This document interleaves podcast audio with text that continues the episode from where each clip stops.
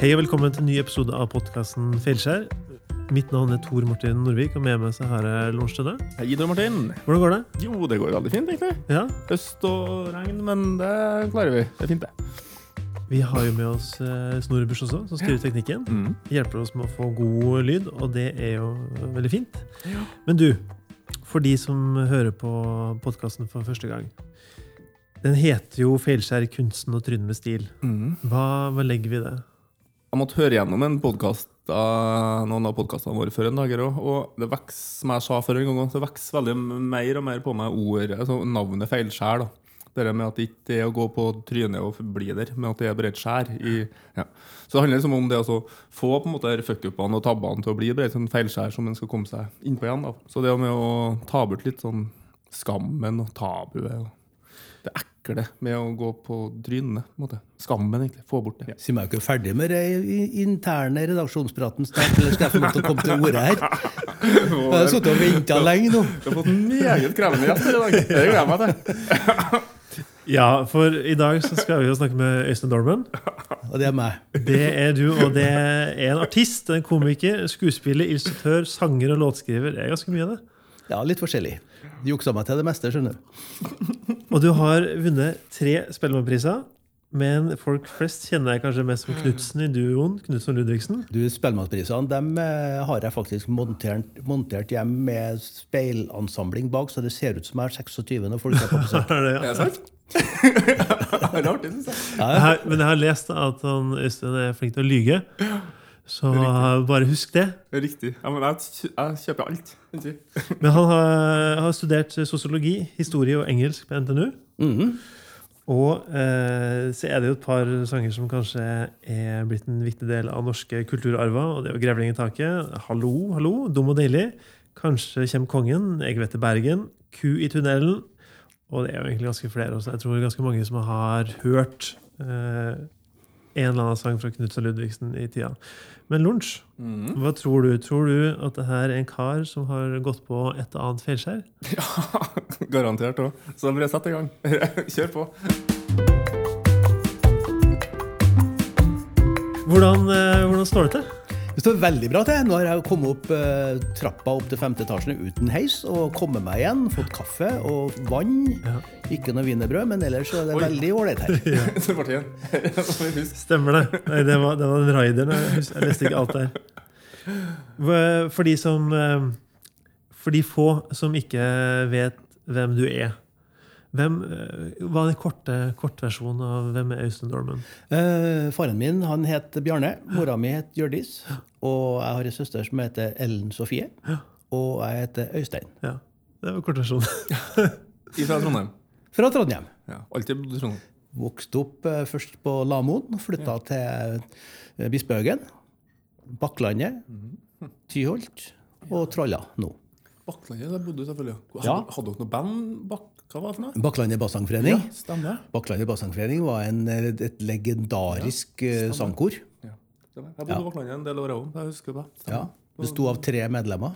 Og det var du og Du, jeg og Gustav, og så var det ei dame som het Gerd Gudding. Ja, riktig. Den eneste kvinnelige bassangeren i Trondheim på den tida der. Så gøy. Når var det? 19, tja, 1902-3-74. Og når var kampen om Bakklandet og vei? Den var hele 70-tallet, Ja, egentlig. Så det var riktig spennende. Det var egentlig ganske fantastisk, skjønner du, fordi at, at hele byen sa Bakklandet er slum, dere river vi. Og så hadde vi en del støttekonserter i samfunnet, og det var faktisk en person som, eh, som het Kjell Spigseth, som var arkitekt. eh, Og, og han var glødende interessert i å bevare Bakklandet. Og har har ikke vært for han, så tror jeg kanskje den bydelen ville vært motorvei i dag. Han, eh, han burde ha fått en statue nedpå her. Snakk om potensielt feilskjær. Men ja, det var veldig positivt. Og det som var litt artig også, var at, at vi fant ut på et eller annet tidspunkt at nå skal vi ikke ha, ha frikonsert i Samfunnet, for det var ingen som brydde seg om, for vi var jo bare studenter. Så hadde vi frikonsert i, eh, i Frimlosjen. Og så inviterte vi Hjallis og Otto Nilsen og fikk dem til å gi sitt eh, besyv med. Og etter den konserten, hele stemningen i byen bare snudde seg, og så var det da, kom voksen, da kom voksenfolket. Da kom voksenfolket. Og, og altså, det, altså, at kultur ikke betyr noen ting, det er løgn, altså. Men når du fikk en mail fra oss hvor hvor vi spurte deg om å bli med på det her, og det å snakke om eh, feilskjær og tabber og Hva, hva tenkte du da? Eh, først så tenkte jeg at altså, du skjønner at, at jeg er ikke så veldig flink til å forberede meg. Så eh, dere spurte om jeg ville være med, og så sa jeg ja. Og så kom det en sånn mail med et eller annet innhold, så tenkte jeg på det der kikker jeg på siden. Så har jeg kikka på den lange mailen i morges, og så var jeg skuddredd i fem minutter. Og så skjøv jeg den bare til side igjen, og så nå stiller jeg med blanke ark. Hva handler dette her om? egentlig? Det lurer jeg også på, Tor Martin. Det? Nei, det Si det, men det er jo beste måten å egentlig angripe på. Vær til, vær til stede i nuet. Ja. Ja. Jeg har, jeg har jo prøvd å, å google deg for å se hva jeg fant noe feilskjær. Og jeg har, det har jeg jo egentlig ikke gjort. Jeg har jo prøvd å Du, jeg starta ganske tydelig med, tydelig, tidlig med feilskjær. Ja. Jo, vet du hva? At, eh, at oppå oppe på Rosenborgbanen der hadde vi, altså, vi hadde skøytebane oppe her om vinteren. Og, og da var det, det vanlige var da at vi som eh, gikk på skøyter, guttene, vi hadde eh, muligheten da til å invitere jentene med oss på, på los, kalte vi det. Var. Og altså, Da holdt, holdt vi hverandre i hendene, og så gikk vi rundt banen. og sånn. Og mitt store problem det var at, eh, at jeg kjøpte kjøpt meg sånne nye panserskøyter sånn, som de bruker som de skal sette verdensrekorder og sånne ting. Med sånne lange istedenfor hockey. vet du, Sånne ja, ja, lange greier. Dere, har sett det på TV, sikkert. Du har TV, ja. Så, så mitt problem var at når jeg skulle legge over foten da, for å svinge mot, mot venstre, som man vanligvis gjør, så fikk jeg til det. Jeg fikk det bare til å svinge andre veien. Så jentene som jeg losa, de hadde da valget mellom å være med meg og gå rette veien og ramle i alle svingene, eller gå mot strømmen og få jævla mye kjeft.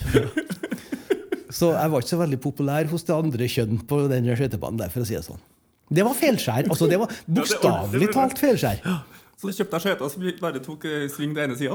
Ja, jeg skulle Dumme skøyter. Skøyter. Jeg har egentlig mye følelse av at resten av livet mitt har vært sånn, men Kun- Tar jo faen meg kun til høyre, skøyta der. Shit.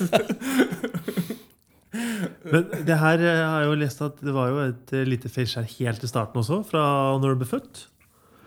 Hvor du holdt Ja. på å eh, kanskje bli med noen annen hjem fra sykehuset. Ja, det, altså, det var jo egentlig en sånn tragisk greie. For da faren min fikk høre om, eh, om eh, at vi kalte oss Knutsen og Ludvigsen, så ble han veldig eh, betenkt. For Ludvigsen det er et, eh, i, i familien vår det er et litt sånn rart navn. For at, eh, at eh, farssida mi den ble starta den av en kis som het Ludvigsen. Som var innom og, og var bare innom i fem minutter og starta familie, og så for han igjen. Så oldemora mi hun vokste opp uten kall, da. Men, men han het Ludvigsen, og, og sønnen da het Ludvigsen. Og altså farfaren min het faktisk også Ludvigsen. Helt til han tok navnet Dolmen, da. Men, eh, men så Men Dolmenavnet stammer da ifra Det stammer fra den plassen, da. Ja, plass, ja, sted, Ja, i Nord-Trøndelag. Ja. Og så, da, jeg ble født, så ble jeg forbytta ved fødselen. Mm. Så et helt, et helt døgn så het jeg faktisk Øystein Ludvigsen. jo. jo. Og, og, og, og det var litt rart, for han som jeg ble forbytta med, han hadde, hadde, jeg hadde jo helt knalllyst hår, og han som jeg ble forbytta med, han hadde svarte krøller. Og, og het altså Øystein Ludvigsen. Så ble vi bytta om igjen tilbake igjen, da heldigvis. Så det var jo veldig ålreit. Men så traff jeg igjen han Øystein Ludvigsen. Håper han ikke hører på det her, og, og så gikk vi på gikk, Vi gikk i samme klasse på Rosenborgskolen. Og, og, og jeg visste jo at vi var blitt forbytta ved, ved fødselen, jeg og han. og sånne ting. Og, men han likte veldig dårlig at jeg brukte en del tid på å snakke om at jeg hadde drevet grisa med puppene til mora hans. Han syntes ikke det var noe kjempestas. Hva, har, du, har du liksom tenkt hva hadde skjedd hvis dere hadde bare fortsatt i hver deres retning med Hvis dere hadde blitt uh, da? Du, Hvis vi har blitt forbudt, så har det jo vært ganske snedig, for da har jo jeg ville hete Øystein Ludvigsen. Og så når vi da fant på navnet Knutsen Ludvigsen, så har det da, antagelig da ville ha blitt en kamp på liv og død. om At det ville ha blitt da Ludvigsen og Ludvigsen. Og det ville ha vært kjemperart. altså, det høres mer ut som et sånn advokatfirma. ja. Ja, for fordi navnet, hvor, hvor kommer det fra? Knutsen og Ludvigsen. Ja. Eh, altså, det var vel egentlig bare navn som ble grepet ut av lufta. Jeg tror Knutsen, eh, Knutsen-navnet tror, tror jeg ble Det var en kis som eh, Vi traff på en campingplass en gang som het Knutsen, og vi syntes det var et veldig fint og artig navn. Men Jeg har lest Nei takk. Ja, nå ble bare for at eh, de som ikke ser på, så ble jeg Ja, bydd kaffe. tilbudt kaffe, Ja, og er takka nei takk. Riktig, da tar jeg så god er den kaffen. Nei, og det var veldig god kaffe. Det var varm. Det var jo varm. da. Varme godt. Du, eh, jeg leste at du har en far som heter for Bjarne. Og Ja. han var rørlegger. Og faren hans var rørlegger. Ja. Og han hadde en rørleggerforretning, og han så helst at du skulle ta over den. ja. Eh, Men så ble det ikke. Nei, jeg tror faren min var ganske lei seg for det, men jeg, jeg hadde aldri øya i den retning. Jeg har bestandig vært sånn eh, bokinteressert. Jeg begynte å låne bøker på bi- bi- bi- biblioteket da jeg var fem-seks år. Så jeg hadde nesen nedi bøkene jeg, og styra sånn at eh, jeg så for meg en, sånn, en eller annen sånn akademisk utdannelse helt fra jeg var bitte, bitte liten. Jeg leste en sånn fin historie med når, når du skulle kjøpe deg en firemannsbolig. Altså når du fikk hjelp av far din til å eh, fikse røra på badet. Ja, Eh, Hus, husker du den historien? Ja, det husker jeg veldig godt. For at det gjorde faktisk inntrykk på meg. For faren min var en, sånn, eh, var en, en hardhaus på veldig mange måter. Han var, han var jo også rørlegger. Da jobba han jo veldig mye Det var mye drittarbeid, for å si det sånn. Så det var, det, var, det var ganske fysisk humor hjemme hos oss, særlig rundt matbordet.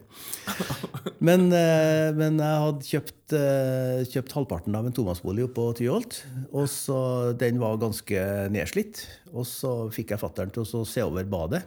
Og så for han med, med kista si opp der og rørtanga og, og reparert eh, etter beste evne. Og så gikk jeg opp, tok litt tid, da ble stilt.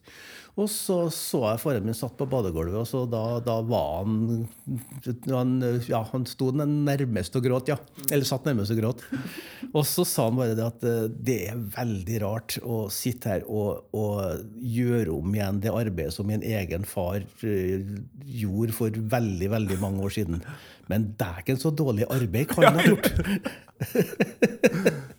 Det har jo familiær selverkjennelse, det her, da. Nei, jeg syns, jeg synes det var når jeg leste. Da var det liksom alle tre generasjoner egentlig samla på det her badet. Ja, ja, var det, altså. samme, en og samme tid. Nei, faren min han, eh, han, eh, han var veldig flink rørlegger. Og, eh, og, han, eh, og det som var litt artig, det var at, eh, at eh, jeg var, jeg var eh, hadde praksis, lærepraksis på, på Rosenborgskolen det, siste året på universitetet. Og du var, gikk lærerutdanning, du? Ja, Det ja det var, da var akkurat ferdig med sosiologi. da. Riktig. Så, så den klassen jeg hadde, der var det et par-tre stykker som eh, det var vanskelig å få kontakt med. dem, For at eh, den ene satt bare bakerst og glisa og prøvde å spørre ham om noe fornuftig og lekser. og sånne ting. Nei, det var- det var var helt bare satt og flira og flira. Og det var liksom det var ikke, Jeg ga opp en, jeg, da. Så, så det var ikke så veldig mye å få ut av en. Og så var jeg ferdig, da. Så Så med den tida der så, så gikk jeg ned og skulle besøke mutter'n og fatter'n, og så sto han der gliseren sto nede i gårdsplassen. Og så spurte jeg du, hva gjør du her. Nei, Så flira han til meg og sa jeg er den nye læregutten til far din. han. Han, ble jo en fremragende rørlegger, men, han- men han gikk en hard skole. Faren min var en, en, en nådeløs person og hadde ikke så veldig mye til overs for arbeidsmiljøloven. Så faren min han kjøpte seg, kjøpt seg luftgevær. Det gjorde han. Det gjorde han. Okay. Ja, og så hadde vi et stort verksted i kjelleren. Og så hadde fattern sett eh, Wilhelm Tell på, på eh, TV eller et eller annet sånt. ting. Og så fant han ut at det måtte han jo prøve, da. Og da stilte han opp en blackbox på hodet til læregutten nede i verkstedet. Og det var læregutten som fortalte meg det mange år senere, at, at ja, jeg måtte stå der. Men han var egentlig ganske snill, faren din, sånn, for at jeg fikk lov til å stå med ryggen til. Så oppveksten min har vært prega av eh, ja, Men jeg har jo, jeg har jo lest at han, han, han hadde jo også litt varme i seg, for det var en historie med en brustablett. Og mor di som kanskje hadde litt vondt i magen. Ja, han var jo veldig hjelpsom. Ja, Han var, altså, men det var liksom ta med ene hånda, gi med andre hånda. da, Så at uh, mora mi fikk en Alka-Seltzer, det er sånn, sånn bruse, brusetablett. Men han lurte henne til å ta den som stikkpille, da. så, så det var ganske fantastisk. Kjerringa fråda i begge endene. vet du. Men, men, eh, men vi eh, Vi, altså, da, da han starta, da han starta, starta rørleggerbutikk, så hadde det ikke mulig å få bil på tida der, for at du måtte ha tillatelse og sånne ting fra myndighetene. Så han hadde, hadde motorsykkel til å begynne med. Men da vi endelig fikk oss en bil, så var det en svær, gammel fiskebil. Og da dro vi på ferietur med den fiskebilen. Og da, og da var det mutter'n og fatter'n satt foran, og søstera mi og jeg vi satt i, i kjølerommet bakom. Uten vinduer, uten noe som helst, på hver vår krakk. Og da var det ut om kvelden og så finne ut hvor i landet var vi igjen nå. Det hørte vi på dialekten. Hadde ikke sett en dritt. Og så fikk vi en, fikk vi en, en Dodge etterpå. Fatter'n kjøpte seg en Dodge. Det var en, en murer som har brukt den eh, Dodgen først. Så fattern gikk inn i og så meisla ut jeg tror det var 15 cm med murpuss som lå på gulvet i Dodgen. Og han fant ut at nei, det var litt vanskelig å bruke den bilen til rørleggerbil, så han solgte den. da. Så gikk det ei uke, så kom kjøperen opp kjøkkentrappa, illsint. illsint, Og han sa til fattern, bare var oppi trynet på faren min og sa at du, du, du, du sa ikke at den bilen bruker seks liter på mila? sånn. Og fattern kikker overraska. Seks liter? Har du fått ned i det, du? Men sånn var det på Bispebøggen i gamle dager. Det måtte være mye artig som foregikk der. Ja, stort sett. Altså, I ettertida så er jo alt artig. Vet du. Det var det ganske dramatisk øyeblikk når de sto der og sloss på kjøkkenet. Ja, det kan jeg tro. Hvordan var det når du og Gustav Lorentzen begynte å lage sanger? Og dro ut og spilte? Skjønte han hva dere holdt på med?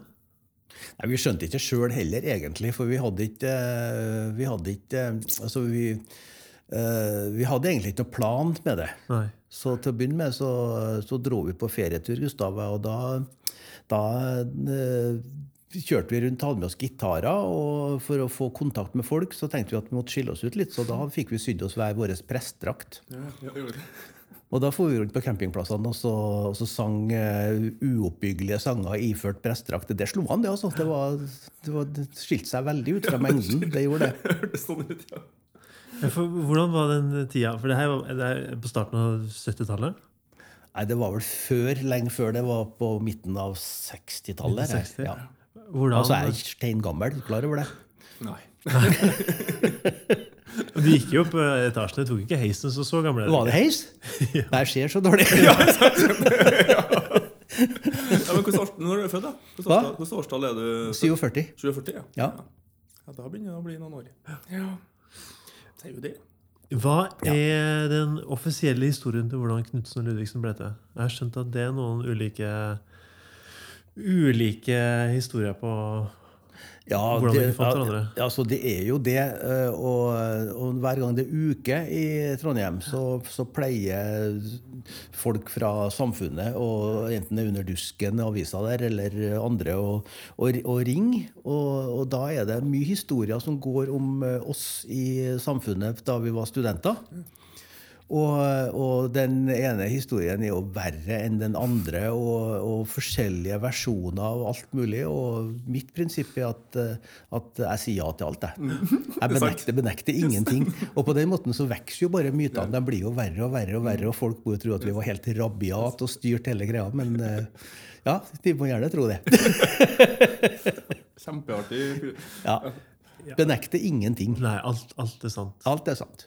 For eh, den historien jeg har hørt, er at uh, det var jo på et nachspiel i, uh, i Studentersamfunnet hvor dere fant ut at dere skulle kanskje begynne å lage et eller annet. Ja. Og Han benekter ikke. Nei, det er sant, det. ja, jo, jo. Det, Og så var det det noe også. med Nitimen, hvor dere begynte å lage noe underholdning der. Nei. Ikke Nitimen. Nei, det var, det var Nattdata i eh, Tote Osvold og Else Michelet som hadde et sånt eh, kveldsprogram som vi var med på.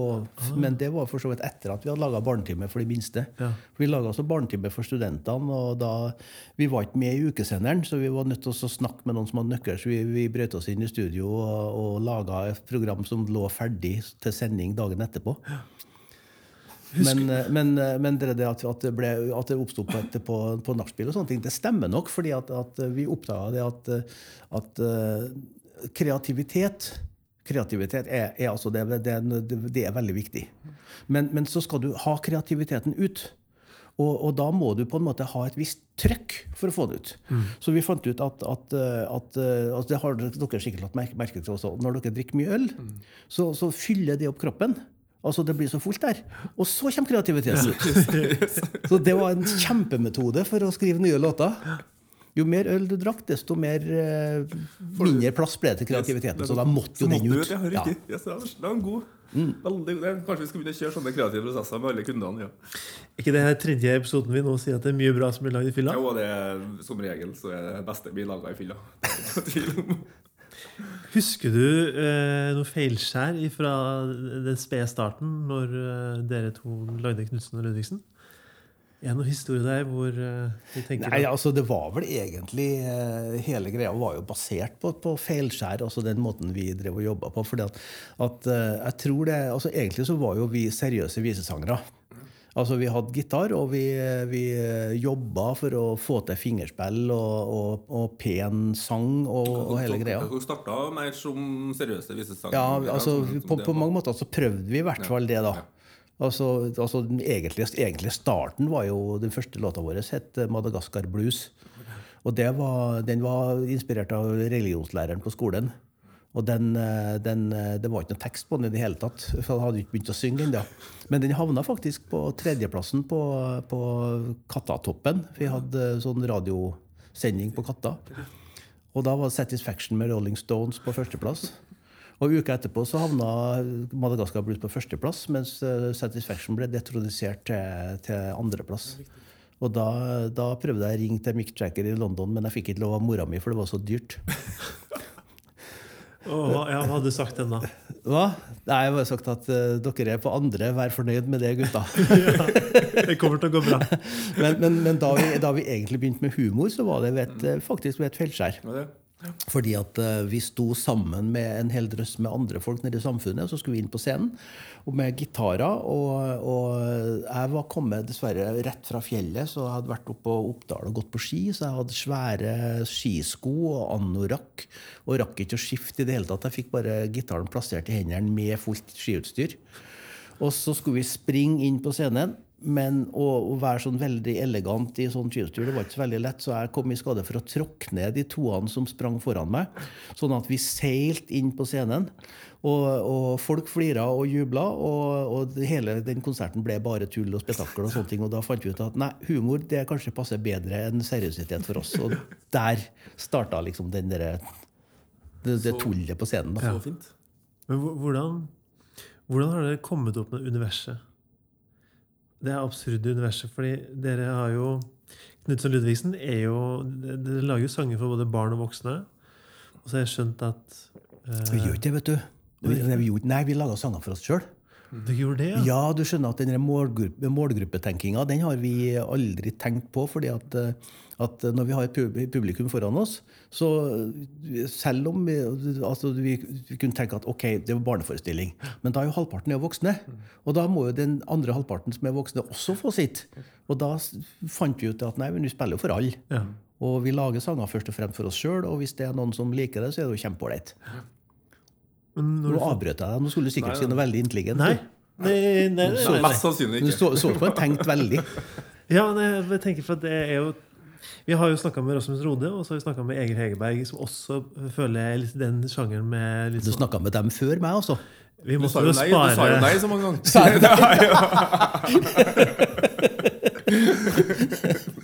Vi måtte ha masa så gærent, vet du. Ja, altså. Fikk ikke lese mailen.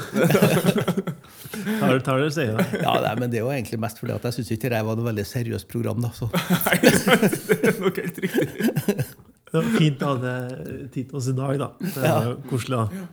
Men jo? Egil Hegerberg og Rasmus de har også eh, har jo det her sånn absurde universet sitt.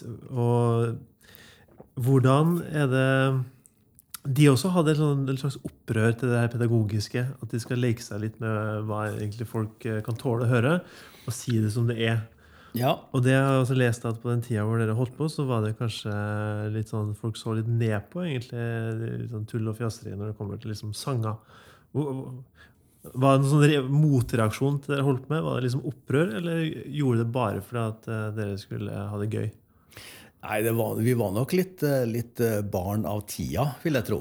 Fordi at altså, Vi har vokst opp med Alf Prøysen og Anne-Kat. Vestli og, og, og, ikke minst Margrethe Munthe, som, eh, som laga helt greit pedagogiske, oppdragende uh, viser som, som, baserte seg på at unger skulle være de voksne underdanig. Så, så den tida vi drev og studerte, så var jo det hippietida. Og det var veldig mye normer som var under oppløsning på tida der. Så vi, så vi, var, vi var, nok absolutt noen, noen, barn av den tida som, som, prøvde å formulere litt andre ting. Uten at vi nødvendigvis tok så veldig mye avstand fra det gamle. Men, men, men det å lage radio med masse knus og spetakkel og hyling og vræling, det var jo egentlig helt uhørt på den tida der nå. Det er veldig vanlig. Ja. Så det ville ha kommet uansett, tenker jeg. Noen ville mål, målbåret det Men hva, Hvem var det som slapp igjennom dere, da?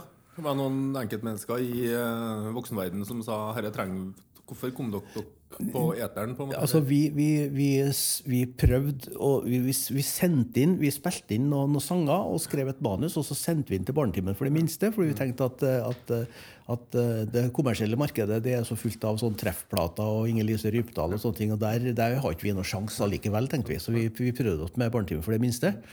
Og så, og så eh, regna jeg med at nå skal vi lage en streit barne-TV, sånn som de pleier å lage. Og så sendte NRK oppover en produsent fra Oslo som skulle overvåke hele greia. Den produsenten han het eh, Harald Gunnhus og var forteller i den første barnetimen på den første plata vår. Og Harald Gunnhus han var ikke noen sånn NRK-produsent som vi hadde tenkt for oss med, med, med stram dress og, og, pedagogisk blikk og sånne ting. Tvert imot. Han eh, kom inn, og han, eh, han kom inn med, med, røyk i begge hender og osa av whisky, og vi fant tonen sammen tvert. Man har drukket smak. ja, ja, ja. Det er jo helt herlig. Men det gikk jo, folk tok dere godt imot, da? Eller var det noen som misforsto?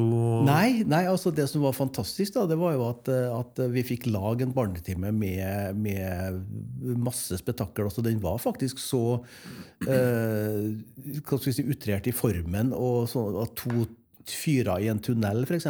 Hele konseptet ble, ble, ble kjøpt av Sveriges Radio. Men, eh, men de, i Sverige så torde de ikke å, å, plassere to fyrer i tunnel, så de laga en serie da, hvor, hvor, eh, hvor Knutson Ludvigsen var plassert på et sidespor i et, på, et lokomotiv. Så at, eh, eller, at svenske unger ville ha gått inn i tunneler og drept seg, vet du, så de torde ikke borti der. så, så, men vi var veldig heldige, fordi at, at barnetimen vår ble sendt i fellesferien. Og eh, det var radiomonopol, så hele Norge hørte jo på Barnetimen for det minste om morgenen på, i ferien. Så vi er, og det var jo som ferie, og så var det da voksne og barn sammen som hørte det mest sannsynlig? Ja, så, ja. Så, ja. Så, så, vi, var, vi, var, nok antagelig de eneste i Norge som har slått gjennom via Barnetimen for det minste. Altså, man, kanskje, kanskje Alf Prøysen, jeg vet ikke. hvor, eh, hvor mange album ble det før Juba Juba? Nei, det ble vel det Skal vi se, da. Tre før. Tre før? Ja. Har du noen historier der da, fra ting som ikke gikk så greit? Nei, altså Alt gikk jo for så vidt greit, men, eh, men, det var jo andre tider. Altså, F.eks. det å dra til Oslo og spille inn plate. Det var også litt sånn, sånn eksotisk, fordi at plateselskapet skjønte jo ikke at, eh, at det bodde folk utafor eh, Oslo. Nei. Så de trodde at vi bodde i Oslo. Så da vi fikk komme i studio Oi, det i en tunnel? ja, omtrent. Så, så, det at, at, at, vi måtte ha et sted å bo, det visste jo ikke de noe om i hele tatt. Så da vi spilte inn første plata vår, da, da sov vi under åpen himmel vi i Frognerparken og ble, ble jaga av politiet om morgenen fordi at vi pussa tennene i den store fontena her.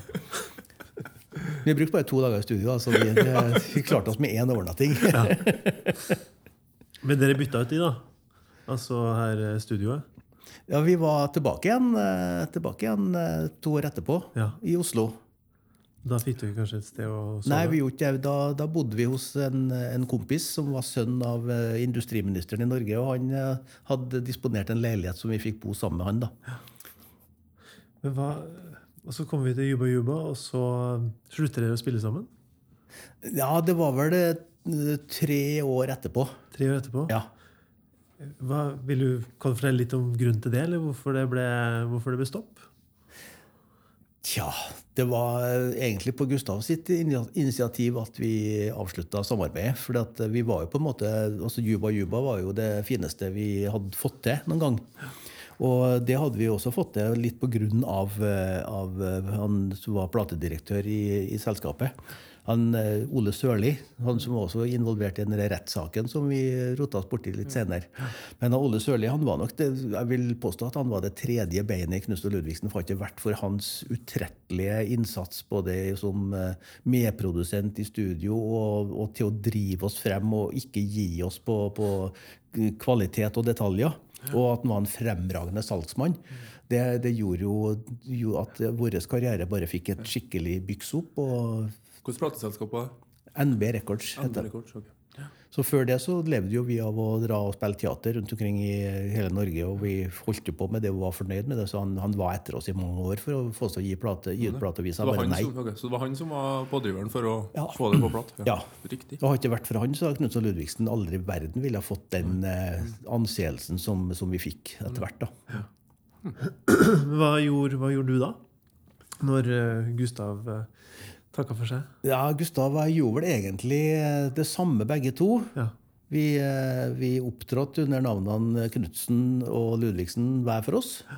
Og, eh, og hadde det vel egentlig ganske bra på scenen. Vi hadde mer enn nok å gjøre spillejobber, fikk spille inn plater og, og bra, veldig bra sånn karrieremessig. Men sånn i ettertid så ser jeg jo at det var søren ikke mye av den magien som vi fikk det sammen. liksom.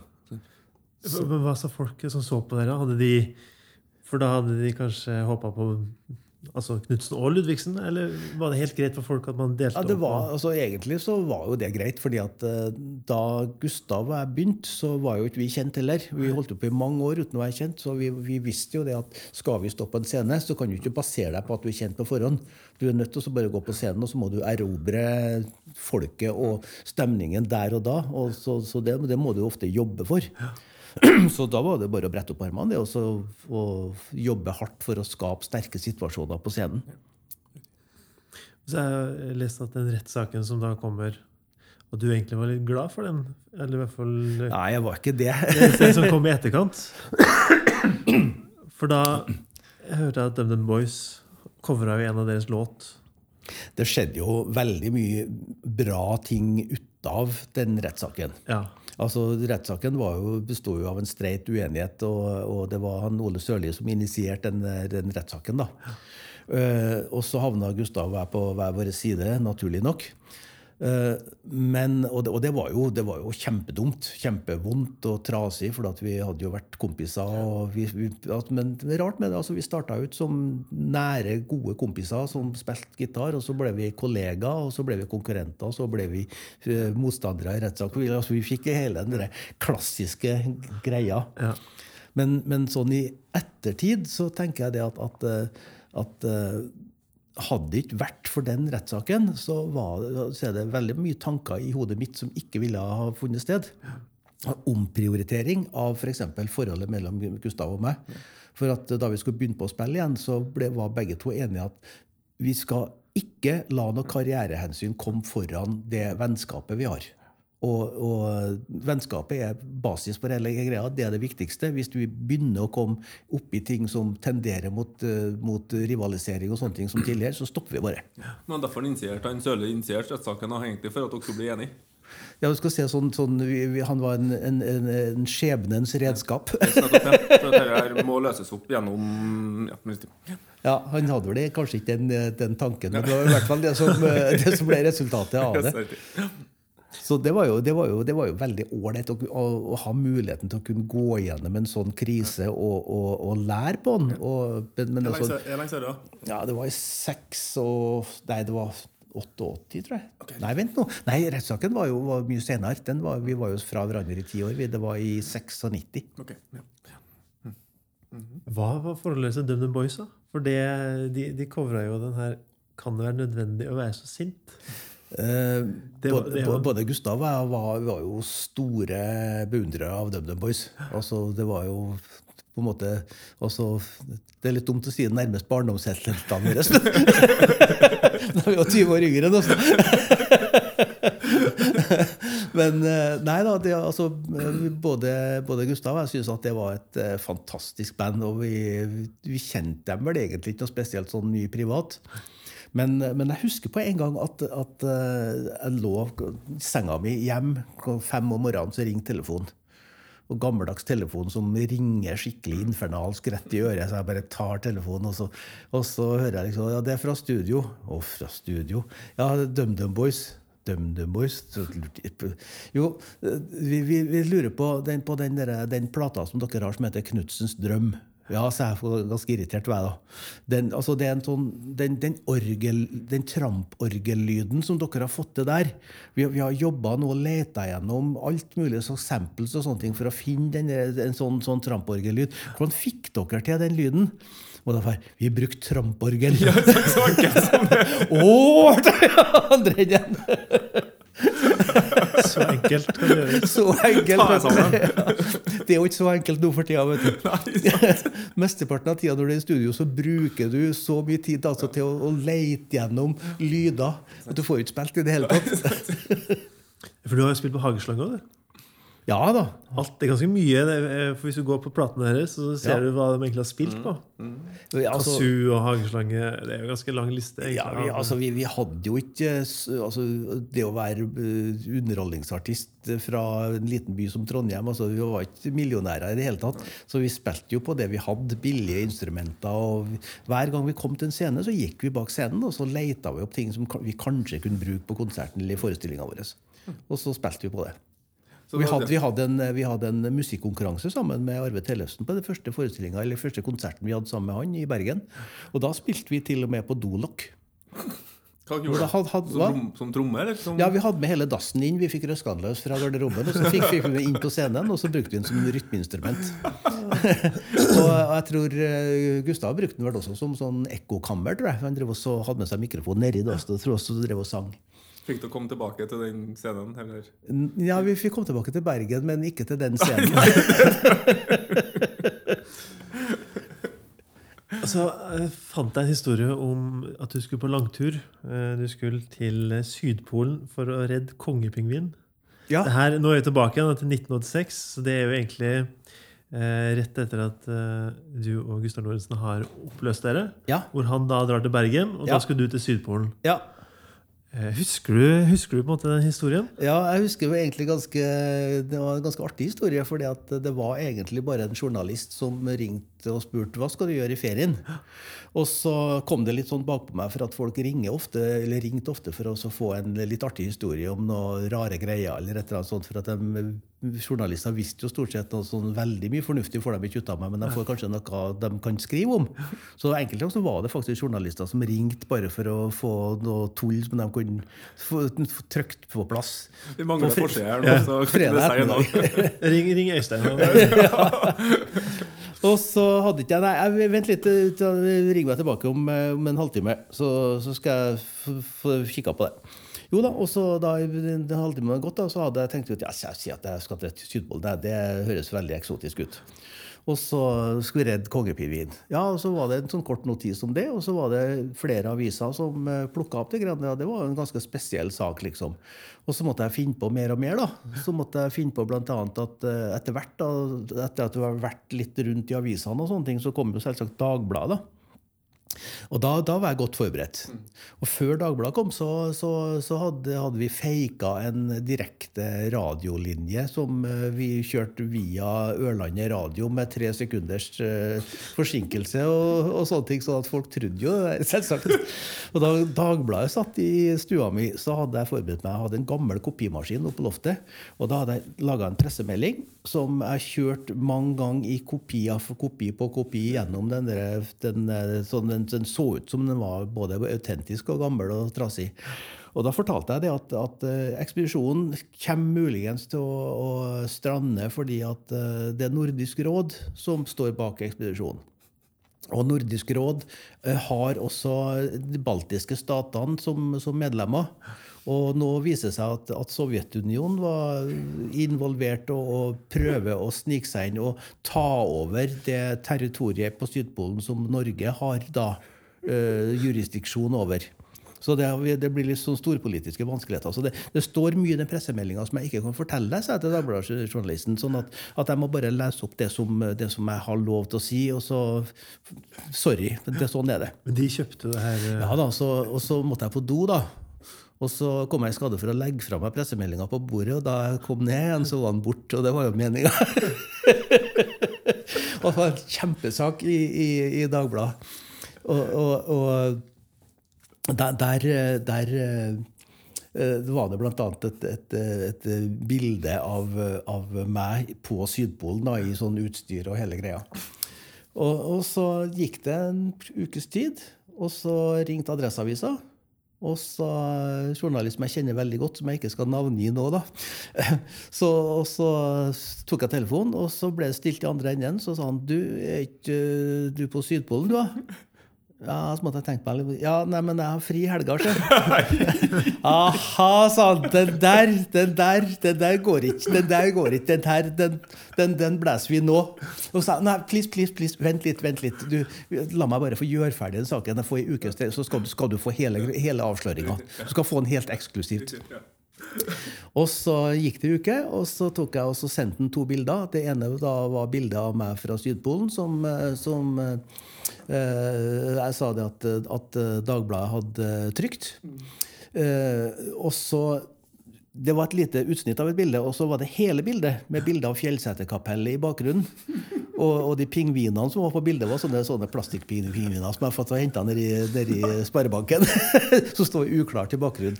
Og så sa jeg til journalisten at det her er det bildet som Dagbladet trykt, og det her er hele bildet. Så får du, får du det sånn eksklusivt. Og han var fornøyd, vet du. Han var fornøyd, Så fikk jo, fikk jo han hele avsløringa av Adresseavisa. Helt til det kom på trykk, og så ringte de fra Dagbladet. Du, det, det, du påstår at det bildet der som sto i Dagbladet, det har aldri stått i Dagbladet. Opprør mot fake news? Ja.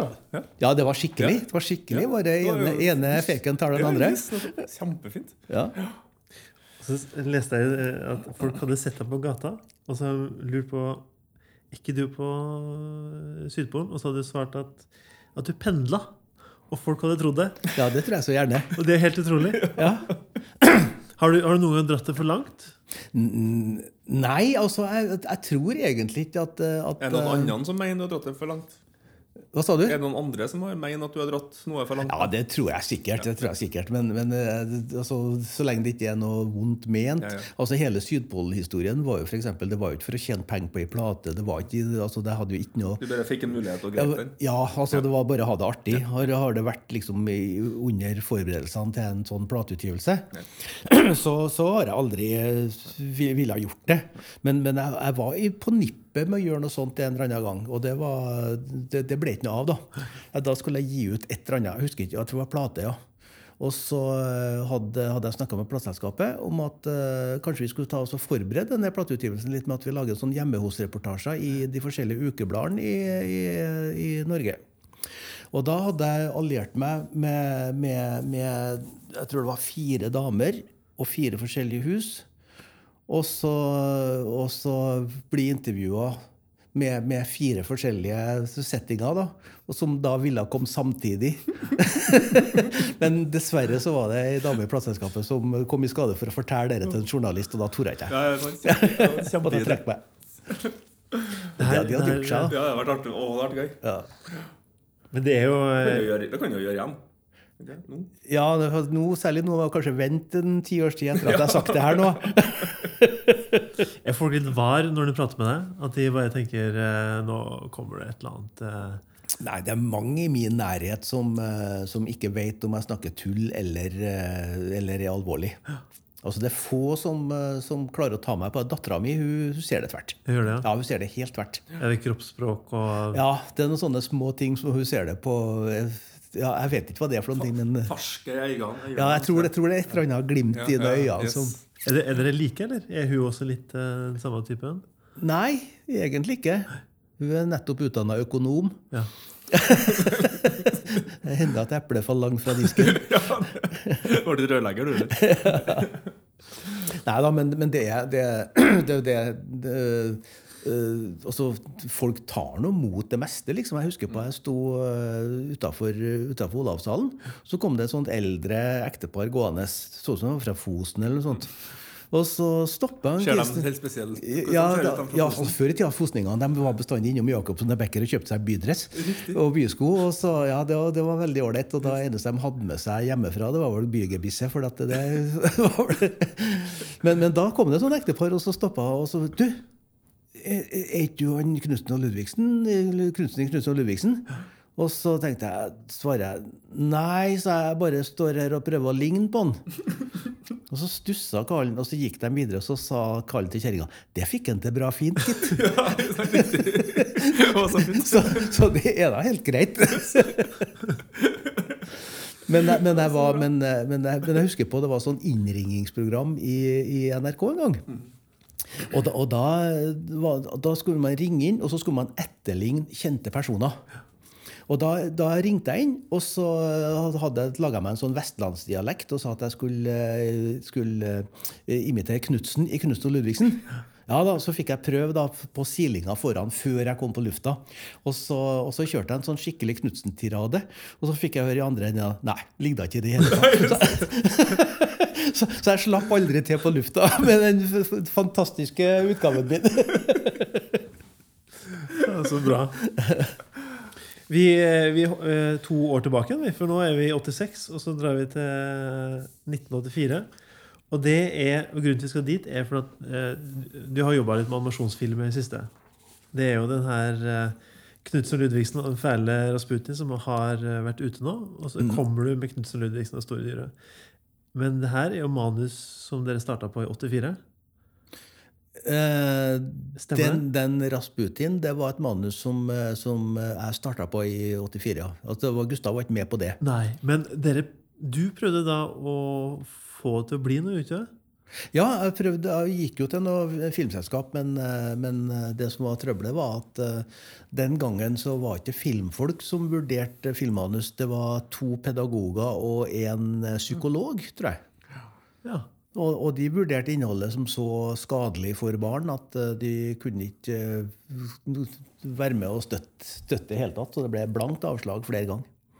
Men hva, hva gjorde du da? Bare lo du på hylla, eller? Nei, altså, Jeg prøvde jo, men, eh, men jeg hadde jo alliert meg med filmselskapet til han Stein Roger Bull, som drev og jobba i eh, TV-en. Og han hadde jo sine kanaler, og når han ga opp, så tenkte jeg at da er det ikke så veldig mye vits for meg å, å gjøre noe mer med det. Så da lå det faktisk i skuffa mi i veldig mange år, da. Det gjorde det. Og så hvordan ble det til Var det Kvisten som tok kontakt med deg til slutt? Eller Nei, det var, det var ikke Kvisten, men det var en Kiss fra Tordenfilm, som var et uh, nystarta filmselskap i Oslo. Og, og han kom innom og så hadde en idé til, til Knutsen og, og Ludvigsen-film. Og han hadde folk til å skrive manus, og han hadde hele greia. liksom, Sånn at om jeg bare kunne være med og godkjenne. Så sa jeg men jeg har jo manus sjøl, jeg, sa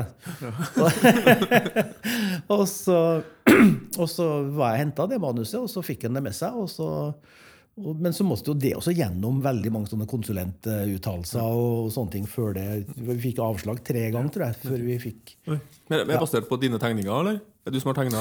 Ja, det er basert på tegningene mine, men det er animert da, på, i en ny utgave, da. Men inspirasjonen er tatt ifra Ja. ditt univers? Ja. Ja, Så likt som mulig egentlig med Knut og Ludvigsen-figurene, for de er på en måte såpass innarbeid at eh, de må nesten bare få være der. Men vi har vært innom litt andre typer da, som eh, bare for å si at det, det går ikke. Nei, sant?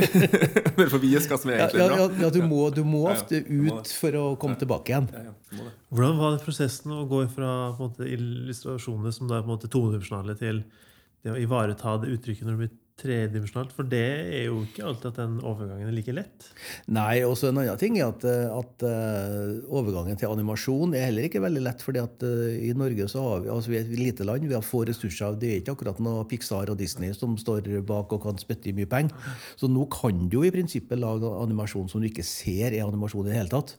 Men det vi hadde mulighet til, var jo på et veldig mye mer enklere plan. Og det, det er klart at da kan du få den derre den der dukkefølelsen mer enn du får personfølelsen.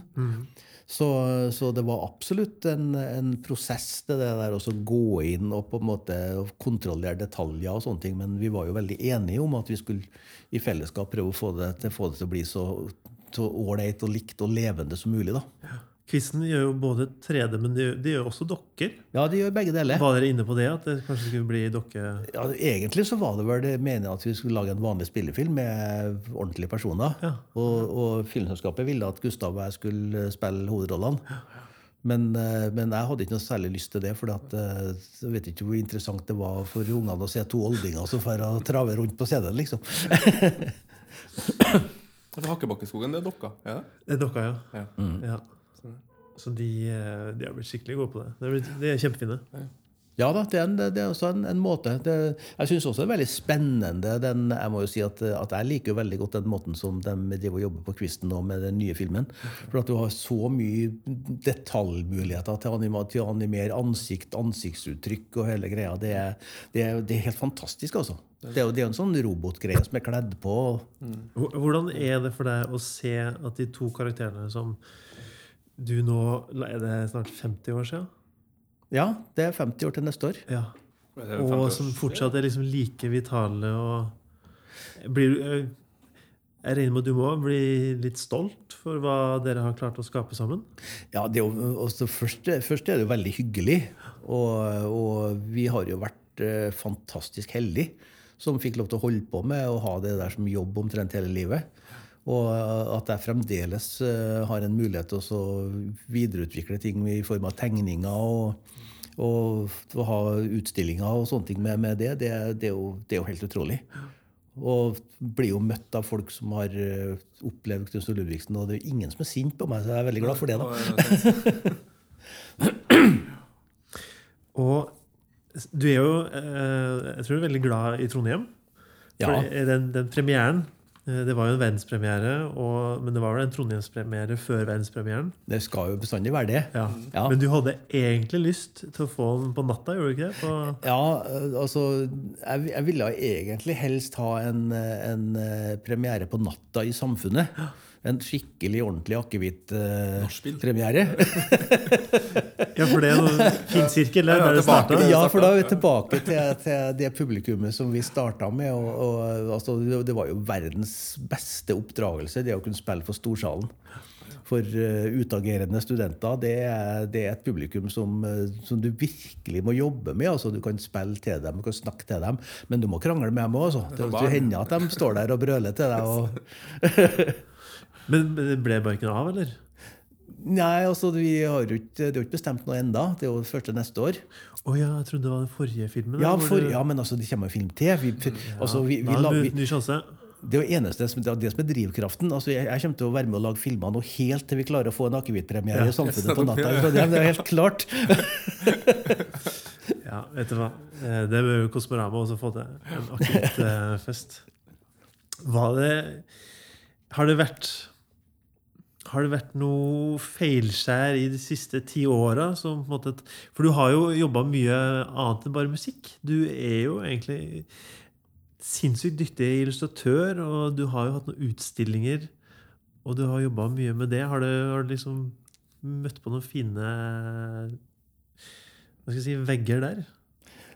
Ja, altså, Hvis du spør om feilskjær, og sånne ting, så er det, jeg jeg må innrømme at det er jo ikke det jeg hefter meg så veldig mye med. Jeg prøver å ri- riste meg løs og gå videre når det er sånn.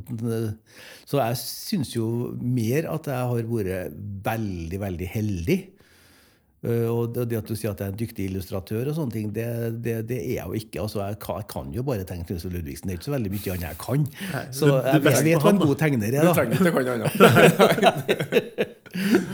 Så, så jeg vet jo også Jeg har jo ikke noen illusjoner om å, å lage og være noe sånn eh, van Gogh eller noe sånt. For jeg vet jo at det er jo innholdet i det jeg tegner, og det som, eh, det som jeg stiller ut, det er jo noe som trigger minnene, og forhåpentligvis positive minner hos eh, det publikum som, som, eh, som ser på dem.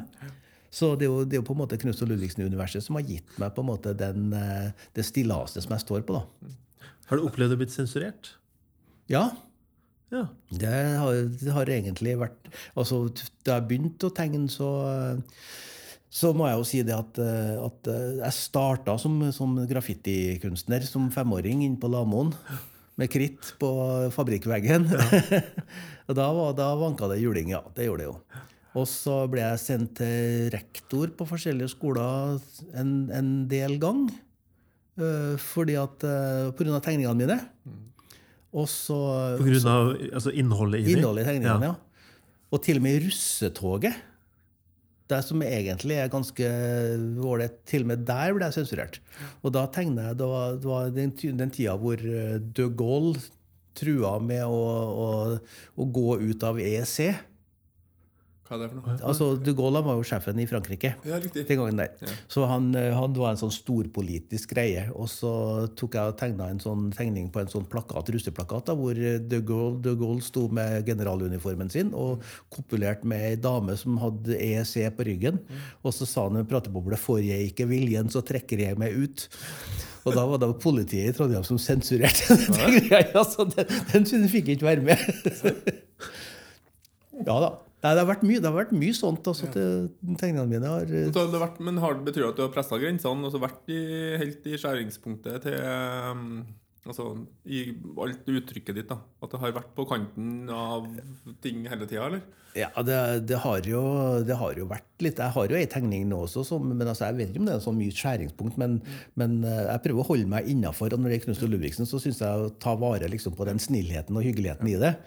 Men jeg har en sånn, sånn eh, liten sånn humorgreie med en av tegningene mine som uh, Knut og Ludvigsen står utafor Slottet. Og så sier uh, Knutsen 'kanskje kommer kongen'. Og så svarer Ludvigsen at uh, 'lenge siden det nå, ifølge Sonja'. Så det det er litt, er litt, litt vanskelig av og til å holde seg innafor Det må jo, det må jo Du være må, vanskelig. må dette av krakken litt sånn av og til, tenker jeg. Ja, for Du har jo et utløp, du må jo få ut uh, kreativiteten din. Så, Ja. Men eh, Ja. på St. Olav så har du blitt eh, sensurert. ja. Det? Nei, jeg har, eh, fikk dekorert en vegg eh, Ja. nede på St. Olav. Jeg tror det var 16 kvadrat eller sånne ting oppå mor- og barnesenteret. Og da fikk jeg beskjed Det. Hva? Det er lenge siden, det. Ja, det må være fem-seks år siden, tenker jeg. Ja, for jeg tror det samme. Det var når, 2015. Ja, det var, ja, for de, de holdt på å ble tegna og satt opp når min sønn ble født, og det er fire og halvt. Ja, sier du det? År, Ja, Så jeg har, akkurat. jeg har noen bilder, jeg har noen bilder fra at det var noen stillas satt med og sånt. Ja. Stemmer, så fire og halvt, ja. ja, det tok litt tid, for eh, det kom masse folk og skulle snakke mens jeg holdt på. Ja, sant. Så jeg måtte måle på natta til slutt. Nei, de kom og sa at, at det nederste høyre kan du, kan du ikke ha stående. Nei. Måtte jeg ta bort det, da. Og det var, da hadde jeg jo skrevet undertegna bilde med Håkon Bleken. Gjorde du det? Ja, og det, det fikk ikke jeg lov til, da. Men jeg tenkte jeg skulle hjelpe karrieren hans litt. da. Altså. Er. Jeg, jeg har jo ikke tort å sagt det til ham, da. Men jeg får vel høre det nå, da. var det du gjorde. Jeg måtte male over eh, det var, det var kanskje den eneste gangen at signaturen til Håkon Bleken er malt over. Og eh, hvis jeg sier matpakkedikt, Ja, så er det en annen gang hvor noen har sagt nei til deg. Et forlag. Eller, ja. ja. Eh, jeg pleide å hver gang, eh, hver gang eh, Altså hver dag, egentlig. Så når dattera mi gikk på skolen, så pleide jeg å sende med en illustrasjon og et dikt som, som lå i matpakken hennes.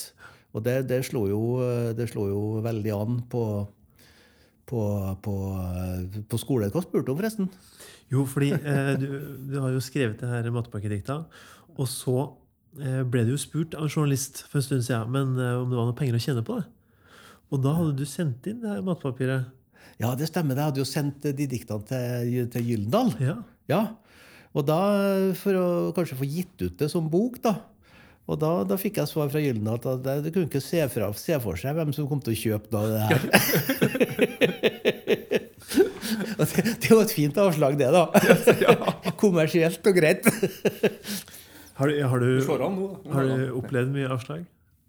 Eller Ja, har- ja, har absolutt. absolutt. Altså, hele, hele ø, opplegget med film for eksempel, og sånne ting, det har jo vært avslag på avslag på avslag. Og så var det å karre seg gjennom dårlige til slutt. Men vitsen er jo bare å ikke gi opp. Det er jo det det går på. Hvordan, hvor henter du den drivkrafta fra?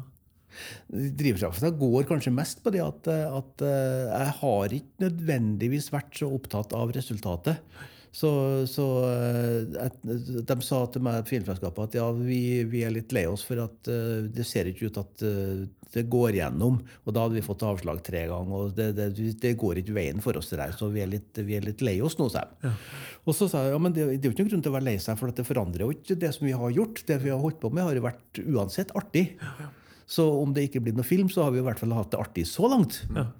Og, og så lenge du har en glede med det du holder på med, så, så er det en, på en måte en fin greie i seg sjøl. Altså, du trenger ikke å, å, få et resultat så lenge du har det ålreit på veien. Og det er litt sånn som du går på tur. Du går opp gjennom, og så du, har du en kjempefin tur, og så kommer du opp på toppen. Og der må du gå ned med en gang, for der blåser det sur vind bestandig. det er sant, det. Hva, hva, med forhold til det å føle på prestasjon? Da? Har, du, har du høye skuldre når du skal vise frem på en måte, illustrasjonene dine, eller når du skal på scenen, eller koser deg og slapper deg av? Nei, jeg kan eh, altså Når det gjelder bildene, så er jeg ikke noe redd for ting. fordi at, eh, at, eh, det er vel litt av årsaken til at, at, at jeg holder på med, med bilder nå. Det at det er på en måte en kontinuerlig prosess. Men, men, det å stå på scenen, og særlig når du står på scenen ganske sjelden, da blir det som å gå opp til eksamen hver gang. Og da det å forberede seg og dra med seg forberedelsene sånn at du tenker mer på forberedelsene og hva du skal si, enn at du snakker til publikum, ja. det, det, er en sånn litt, litt, kan fort være en litt sånn skummel greie. Har det vært noen sånn konsertopplevelser som har festa seg, som måtte ha litt sånn tunge å svelge? At du ikke har klart enten å nå til publikum eller ja, Mange. Ja, så du, du skal gjennom de, du også? Det... Ja, altså det har, altså tenkte jeg Når du står på teaterscenen kveld etter kveld etter kveld, og så du gjør det samme hver dag, tror du, men så er publikum litt forskjellig, så er det et eller annet i mentaliteten som eh, altså, altså Av og til så, så sa vi til hverandre at altså, vi gikk aldri av scenen og følte oss ordentlig mislykka. Altså, det skjedde vel kanskje én gang at vi var helt mislykka.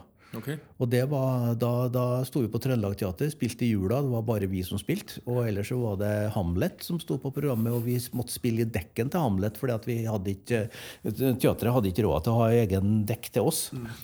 Og det, antagelig var det kanskje fordi at dekken til Hamlet var så komplisert at det var slitsomt å rive ned hver dag.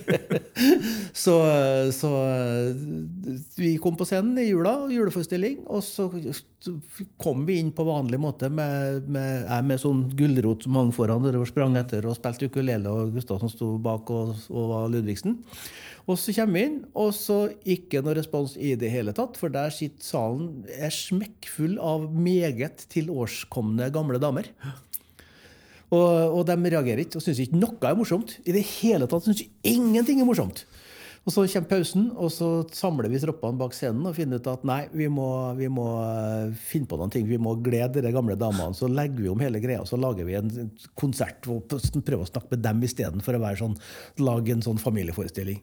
Og så vi, har vi virkelig av samling i bånn. Full av entusiasme går vi på scenen til andre akt. Salen er tom. Nei. De har gått hjem. Oi, ja. Men visste ikke de hva de kom for? De trodde de kom for å se Hamlet. Oh, nei. De trodde de kom for å se Hamlet. Og, og, og, ikke bare det, men det var ikke dem som har kjøpt billettene, det var deres. For det var fruene til Frimurlosjen som skulle ha møte i Trondheim. Og for å, for å adsprede kjerringene sine så hadde de kjøpt billett til Hamlet. da, noe ordentlig. Så, så kom kjerringene og så oss og fant ut at nei, faen altså, dette vil vi ikke ha. men er, det sånn som dere bare børster av dere, og så nytt show igjen i morgen? Ja, vi må jo det. Men eh, ja, det må vi jo. Ja, jeg skjønner jo at man må det, men er det lett, liksom? Det... Altså, det, det, er vel antagelig like lett som at, eh, at hvis du står på scenen og, og, har arrangert en forestilling og ser at det sitter fem stykker nede i salen, og du vet at her går du dundrende underskudd, ja. straffer du de femmene med å lage en dårlig forestilling da? Du gjør ikke det, vet du. Du kjører fullt uansett om det er to der, altså. Ja. jo, men det er jo det som er pro profesjonalitet når du kommer til det å ja. stå på en scene. Ja, så du, du, må bare nullstille deg og, og gå på. Men, men, av og til så er det arbeidsseier, og av og til så er det fryd og glede. og, og det, altså, du går gjennom alle muligheter der. Altså. Det, det, det, det, er det som gjør det fascinerende. Ja. Men i sum så kommer du ut på topp? Altså Det er noe spesielt å stå på en CD, for det er, en, det er en fantastisk energiutveksling når du, når du liksom har muligheten til å stå foran eh, masse folk, og alle sammen kose seg både på scenen og i, i salen. Klart det. klart det, Har veldig mye å si. Nei, jeg syns det er utrolig imponerende med folk som kan stå i det. Også hvis de kjenner at eh, kanskje ikke reaksjonen er der det skulle vært. Eller hvis du går på scenen og har en dårlig dag, og det å klare liksom å legge det fra seg og så bare gjøre jobben sin. Ja. Det er ikke så lett å legge det fra seg idet du står der. Altså, det, det, du kan gå på scenen, og du merker at å, her er det et eller annet som mangler. Og så går det utover pusten din. Og så, og så Jeg kan av og til føle at jeg, at jeg er helt i utakt med min egen pust. Sånn at jeg blir i utakt med omtrent alt og kommer på etterskudd. Og det kan vare gjennom hele forestillinga. Og det er fælt, altså. Skikkelig fælt. Har det forandret seg noe i løpet av de siste 50 åra? Ja. Eller jeg skjønner jo at det gjør jo det, men Pusten gjør jo det, men har du blitt roligere, har du blitt tryggere, eller er det, er det den spenninga der fortsatt? Spenninga er ikke jeg på samme måten som før, fordi at jeg har gått i baret så mange ganger at, eh, at jeg tenker at, eh, at stort sett så er jeg i hvert fall ikke skuldrene like høye som før i tida. fordi jeg tenker at ok, det, det går nå bare på ræva, liksom. Og hva så? Ja, ja ikke sant? Ja. Hvordan er forholdet ditt sånn som nå Jeg vet ikke hvilken dato dette her nå kommer ut, men uh, i dag så er det jo Knutsen Ludvigsen på turné. Hvordan er ditt forhold til når noen andre setter opp Knutsen Ludvigsen, sånn som på turnéteatret nå? ja. Hvordan har det vært å se det? Og, mener, hvordan, Ja. hvor, hvordan involvert blir du i prosessen? Du, de har vel egentlig involvert meg, så jeg kunne ha vært med så mye jeg ville for så ja. som, som konsulent på det. Men, eh, men eh, sånn som jeg sa til dem, at det stykket er jo skrevet av to uerfarne studenter. eh, som ikke var så ver- verdensmester i å være eh, dramatikere på tida der. Riktig. Så det er veldig veldig mye for skuespillerne og regissøren å ta tak i for å redde stumpene av noe som kanskje ikke er helstøpt. En fin inngang. Ja. Ja, Men på den annen side så er det, er det jo da altså, Fordi de er nødt til å gjøre det, så er de nødt til å skape nye løsninger. De er nødt til, altså, det blir en, en kreativ utfordring for teatret, og, og de har lyktes veldig veldig bra med det, det? syns jeg, på, på turnéteatret. Det er kjempeartig. Jeg har kjempeartig. hvor ofte de eh, Det starter i dag i Grong, ja. og så er det jo forestillinger så å si hver dag. Fram til 20. oktober. En Mm. Måneds tid nå. Så Jeg synes det blir en-. Altså. Kjempeartig, eh, kjempefin fin jobb, altså. Og det, det, jeg er jo lykkelig hver gang jeg, der, når jeg ser at det blir fint. Ja, for det er noe med at eierskapet altså, når, altså, At du lar dem få tolke da, hvor viktig det er. Og Kjenner du noen på her, Nå er de på Nå har de dratt det for langt. Eller nå kjenner ikke jeg igjen meg i historier som skal fortelles. Eller hvordan reagerer du? Nei, eventuelt altså, det? det, det har jo hendt at jeg har sett forestillinger som er ganske langt unna den Knutsen Ludvigsen-versjonen som, eh, som jeg har på en måte Gustav og jeg hadde inni oss. Fordi at, at, at altså, vi skapte jo Knutsen Ludvigsen ut fra våre egne et eller annet rare indre. ikke sant? Mens de som skal gjenskape og Ludvigsen, de, de baserer seg på sine egne minner, og de baserer seg på et manus, og de baserer seg på en, sånn, en mer utvendig forståelse av det. Og da blir det en, eh, ofte andre ting de trekker inn. Og i tillegg til det så skal jo skuespillerne også trekke på sine egne greier. De skal jo ikke bare være utvendige pappfigurer, men de må jo dra med seg sitt eget, og da, da blir det. Syns du det er spennende, eller? Å se at det at hvilken retning det tar? Ja, jeg syns det er veldig spennende, og jeg lærer jo masse av det sjøl. Fordi at jeg ser jo at eh, oi, folk bruker sine erfaringer, og det er helt uventa ting. Sant? Og det er sånn at de kan leve i evig tid, og på en måte, hvis det er rom for der uh, Ja. tolkningene er der. på en måte. Ja, for du har jo, du har jo f.eks. Egner-stykkene som er virkelig godt passa på av Egner-familien. Er Du får ikke forandra på et komma. Men jeg syns jo det også er ålreit at det fins sånne ting òg. Fordi at, at hvis du slipper alt løs og, og lager anarki av det, så kanskje du mister altså Sånne ting som Hakebakkeskogen og sånne ting. Det er på en måte så, så, så klart støpt i sin form. Det blir rart hvis historien der endrer seg. jo. Ja, jeg, jeg ble litt irritert når jeg hørte Trine Skei Grande sa det at, eh, at eh, det, vi, vi- kan da ikke la, la klatrebuss ha den samme genseren i tiår etter tiår. Jo, det kan. Det syns jeg faktisk at godt kan gjøre, ja. ja Hold i den. ja. Har du, har du flere univers inni deg som ikke har kommet ut? Nei, altså univers er sånne ting som man på mange måter lager sjøl. Altså, alle sammen går jo i sitt eget univers på mange måter med både erfaringene sine og tankene sine og litt forskjellig. Og nå eh, var det noen fra Kvisten som tipsa meg om et, eh, et animasjonsprogram for barn. Og da for jeg nå og lasta ned det, da, og så plutselig så sitter jeg der og tegner og animerer, og da oppdaga jeg at, at mitt univers på, på den fronten det, Oi! Helt ny verden. Oi, her, det her er artig! Å lage de rareste ting ikke sant, som aldri kan bli noe av, men jeg har det jo artig. Så jeg tror at altså, det, det, gjelder meg, og det gjelder dere, og det gjelder alle, at vi, vi har vi, har, altså, vi lever i mange universer samtidig, hele gjengen. Det gjør vi. Eh, det er utrolig fint at du har muligheten til å leke deg med animasjon. Eh, jeg jobba mye med animasjon før. Og det å ta noe som du selv har tegna, og få til å leve, ja. det skjer noe spesielt. altså. Ja, det gjør det, altså. Og, det, og, det er, og, så er det masse drømmer som jeg vet jeg aldri får oppleve. Altså, jeg, jeg kunne for godt ha tenkt meg å fått jobben og laga lydsporet til filmatiseringa av Villanden. Oh, ja. Åh, det har kommet til å bli et helt annet stykke. ja. Åh, det. Ja, Ibsen, Ibsen har kommet til å snudd seg i grava. Dette må jo lages. Med helt uventa lydspor. Oi, oi! ja, da må noen sende bestillinga i retning til Øystein. Lag en, eh, lag en sak, til nå, bare. Ja. Vi, eh, jeg skal avslutte med et siste spørsmål, men før det så skal jeg bare forsikre meg at har vi, har vi liksom, er det noe feilskjær vi har gått glipp av? Masse. Det er det, ja. De aller, aller fleste. ja.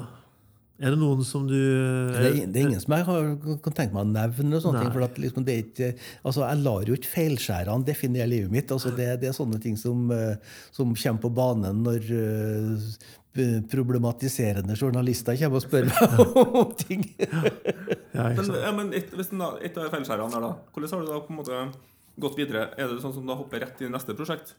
Nei, det kan være ting som preger deg veldig mye. altså den, eh, Da Gustav og jeg havna ut i rettssak, så tok det lang tid, og sånne ting, men det ble Klarte du å skape noe da? i den tida der? Ja, jeg gjorde det, men på litt andre ting. Ja. Det er klart det. Men, eh, men, Da men.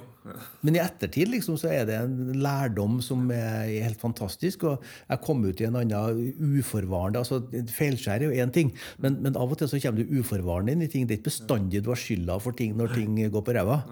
Og, og, og jeg husker jo f.eks. en eller annen gang at, at eh, en VG-journalist ble brukt som mikrofonstativ for en, eh, en eh, kis. Som, og laga en, en vinkling hvor jeg ble skikkelig mistenkeliggjort på forsida i VG, og uten at jeg skal gå inn i hva det handler om nå. Eh, Det, altså da, da, da hadde jeg faktisk Dagsrevy og alt sammen etter meg i flere dager. Og jeg så ikke noe mulighet til å komme meg ut av Jeg gikk rett og slett i skjul. Altså Jeg gjemte meg bort og svarte ikke, tok ikke telefon eller noe som helst på flere dager til det, til det gikk over. Og da, Det var faktisk så, så skummelt, både for meg, karrieren min og for hele greia, at jeg var livredd. Ja. Og det var faktisk altså sånn, sånn offentlig noe av det verste jeg har opplevd noen gang. Men i ettertid så tenker jeg at dæsken, hvis jeg ikke har opplevd de greiene der, så har jeg sikkert fremdeles kommet til å være skuddredd hver gang jeg har vært en journalist i nærheten. Nå er jeg ikke redd for media i hele tatt. Altså, nå sier jeg at uh, uansett, da, skriv hva pokker dere vil, det spiller ingen rolle. Kos dere, ha det artig, lyg, hva som helst. Helt greit. og det, altså, det har jeg aldri kunnet gjort hvis ikke jeg har fått vært gjennom en såpass forferdelig opplevelse som jeg opplevde For det det var liksom heksejakt? på, på en måte, Det var heksejakt, ja. Såpass, ja. ja. På, på, på usannhet, da?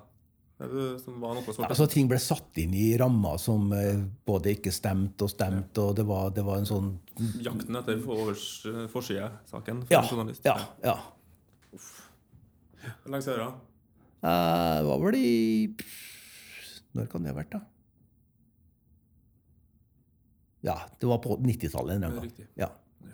Men du klarte å riste av deg det etterpå og si at faen, jeg skal ta jeg skal, Det er ikke jeg som er problemet, men nå skal vi ja, jeg oppdaga jo at eh, ting ikke var så farlig som det så ut som. Man var- tror jo det da at det er kjempefarlig, som du sier, og så gjemme seg og Ja, jeg opplevde det som, som skikkelig forferdelig. altså, Det gjorde jeg. Du fikk jo ridda stormen. Det tror jeg er det viktigste liksom, lærdommen. At, eh, Ja, jeg lærte jo også det at uh, i Media-Norge så varer ting aldri mer enn i uke. Nei, sant. Det er Alltid ny- alltid nye skandaler. som- Nei, så Det varer litt lenger nå, da, for nå kan du google alt mulig galt. Derfor du ikke fant så mye dritt på. Og alt han gjorde før, var før Google. Ja, ja. Ja, alt det gærne jeg har gjort, det har vært før, Det eh, før Google-tida. Ja, Alt jeg fant, er jo bare løgn. Så det er jo utrolig vanskelig å bare feste den på noe som helst. Det, det siste spørsmålet som vi spør alle, er egentlig hva er ditt neste potensielle feilskjær? Det, det, det ligger an til feilskjær hele tida. Altså. altså. jeg må jo innrømme det at, at egentlig altså, balanserer jeg på en ganske stram linje. Men, men, og hva det feilskjæret kommer til å bestå i, det vet ikke jeg. Men jeg vet, jeg vet at det kommer til å være massevis av dem. Ja. Og det eneste jeg, jeg håper med det, at, det, at jeg ikke gjør ting som går utover noen andre. For at eh, det, det, er liksom det verste som kan skje, enten det er uforskyldt eller med hensikt, eller hva som helst. At, at humoren min kan bli for brutal, eller et eller annet sånt, sånn at det er noen som blir, blir skikkelig støtt. Eller, eh, altså At folk blir støtt, er ikke så veldig farlig, men at, at det går utover noen, da. Ja. Det, det, håper jeg kommer til å unngå. Ja. Selv om jeg tror det ikke. da. men, er, men, er, men, er, humor viktig, sånn som du snakka tidlig, helt i starten, om det med at dere ble tatt på alvor med Bakklandet bassangtrening? Ja. Ja. Var, det, var det òg da humor Spilte dere på humor i den tida? Ja, ja, ja. Ja. ja. Og så, men, og så, ja, og Synes du, Har humor vært en viktig del i, på en måte, i ikke propaganda, men i forhold til det å ufarliggjøre ting og sette ting på spissen og fortelle historier? Ja, altså For meg så er humor en referanseidentitet. altså Det er en, en, en referansedimensjon, nærmest. Ja. At, eh, at, Jeg kan jo av og til sette meg ned og flire av ingenting. Ja. Men, men, da, men, da, ser jeg jo ofte det som konkret skjer. Mm. Men så ser jeg også det som kunne ha skjedd i den sammenhengen. Så begynner jeg å flire. Yes. Og da er det to ting på en måte som, eh, som refererer til hverandre. da. Så jeg syns at det å ha en, eh, en humorrealitet som, som følgesvenn, det syns jeg er veldig ålreit. Jeg kunne jo valgt å hatt en, en tragisk eh, realitet å forholde meg til. og Da, det vil, da ville jeg vært en helt annen person. Ja, så, Så jeg- så to forskjellige vinklinger på Bakklandet-casen òg. Ja. Så det Ja. var- ja, så bra. Ja, for det er jo flere, Vi har snakka med flere komikere, og det, det, det med å forholde seg til humor som et virkemiddel for å få sagt noe som er viktig. Ja. Og, og, og, da blir det på en måte, og der kan det ofte være skjæringspunktet til at du kan støte noen, her du kan gå Ja. dra for langt noen ganger, og den her balansegangen der. Ja, Og, ja, Den opplever ikke jeg. nei. Og det er fordi at jeg føler at jeg har ikke så veldig mye viktig å si. så, det, så det er egentlig Ja, men det er sant. Jeg, jeg, har, jeg har ikke noe budskap. Nei, altså det, det, er klart, det er klart at jeg har jo jeg, jeg går jo egentlig rundt og har tjukt av verdier som jeg prøver å leve opp til. Men, eh, men jeg tenker det at eh, det er viktigere å være enn å gjøre. Og det er viktigere å være enn å si. Det, altså det, det liksom, Man får nok gå, gå rundt og være sin egen blomst, tenker jeg. da. Ja. Fint. Ja, det var egentlig veldig fine avsluttord. Har du lyst til å oppsummere lunsj? Nei, jeg syns det siste som en Øystein sa, var veldig eh, fint. Jeg må eh, ja, ja, egentlig den Så jeg synes Det første synes jeg har vært en helt fantastisk fin prat. med hun har Kosa meg. eh, Og ikke minst flira enormt mye. Um, men det der med at en ikke Som jeg snakka om at, altså, at ikke mark altså, Jeg likte veldig godt det han sa i forhold til ikke tenkte marked. Altså, når vi spiller først for barn, så er det også foreldre der. Og det med da, og vi måtte, spille, vi måtte spille for alle, og vi måtte kose oss og ha det gøy. Og vi måtte ha det artig. Vi som avsender av noe måtte ha det artig. Og det der er jo på en måte jeg husker jo mitt første møte med animerte filmer der jeg syns humoren jeg det var Shrek- Shrek-filmen. jeg. Jeg synes det var like morsom som hvis det hadde vært barn, hadde det vært morsomt, og hvis det hadde vært voksen, hadde vært morsomt. Og det er det som er formen i mye animasjonsfilmene og musikk i dag òg. Det at det spilles både for voksen og eh, barnepublikum. Så det er viktig der at de kom seg gjennom det nåløyet forbi pedagogene og psykologene i sin tid inn på NRK osv. Eh, for å spille for alle. Og det tror jeg, ja, den, eh, og det tror jeg er en lærdom vi kan ha med oss inn i yrkeslivet noen ganger. At vi må eh, gjøre det som vi syns er gøy sjøl. Og det som han sa i forhold til det med å Hvis en får avslag For det er jo et potensielt feilskjær. Det å få avslag på ting. Men det å si at så lenge veien dit har vært gøy, så lenge vi sjøl har fått noe ut av det Prosessen på avslaget, det er jo en, det, den har jo en verdi. Ja. Og det, det tror jeg vi må, bli, vi må senke skuldrene litt mer generelt i livet og si at prosessen på vei til noe er like viktig som resultatet.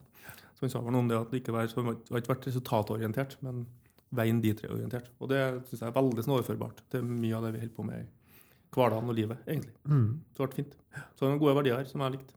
Mm. Enn du? Jo, eh, det jeg syns er fint, er egentlig det han sa på slutten, at han har ikke noe viktig å komme med, men likevel så har jo på en måte verdiene blitt eh, Verdiene har kommet gjennom. Fordi at eh, det er ikke noe pekefinger her. det er ikke noe, Og nå skal jeg fortelle deg hva du burde føle og synes. Det er jo ikke det det er snakk om. Her eh, skal du få et absurd univers med noen herlige, merkelige, rare sanger. Og så er det egentlig opp til hver enkelt å tolke de. Og uansett hvordan du tolker de, så vil du trekke varme og du vil du trekke kjærlighet ut av det. Og en, noe velmenenhet. Og selv om man ikke ønsker å påvirke folk med å fortelle hvordan folk skal ha det, eller hvordan det skal være, så klarer man det likevel ved hjelp av liksom, egentlig måten du kommuniserer på. Og tenk deg hvordan hadde Knutsen-universet vært hvis det hadde vært via det pedagogiske riktige, korrekte i sin tid. Det hadde vært eh, da ja. Hvordan tror du det hadde vært da, hvordan hadde det sett ut da? Eh, nei, uh, det er vanskelig å si. Ja, ja, ja. men Jeg kan ikke tenke meg, men jeg bare lurer på en ting til slutt. Eh, Kan jeg få litt mer sprit oppi kaffen? det skal du faen meg få. Snorre, ta få fram spriten.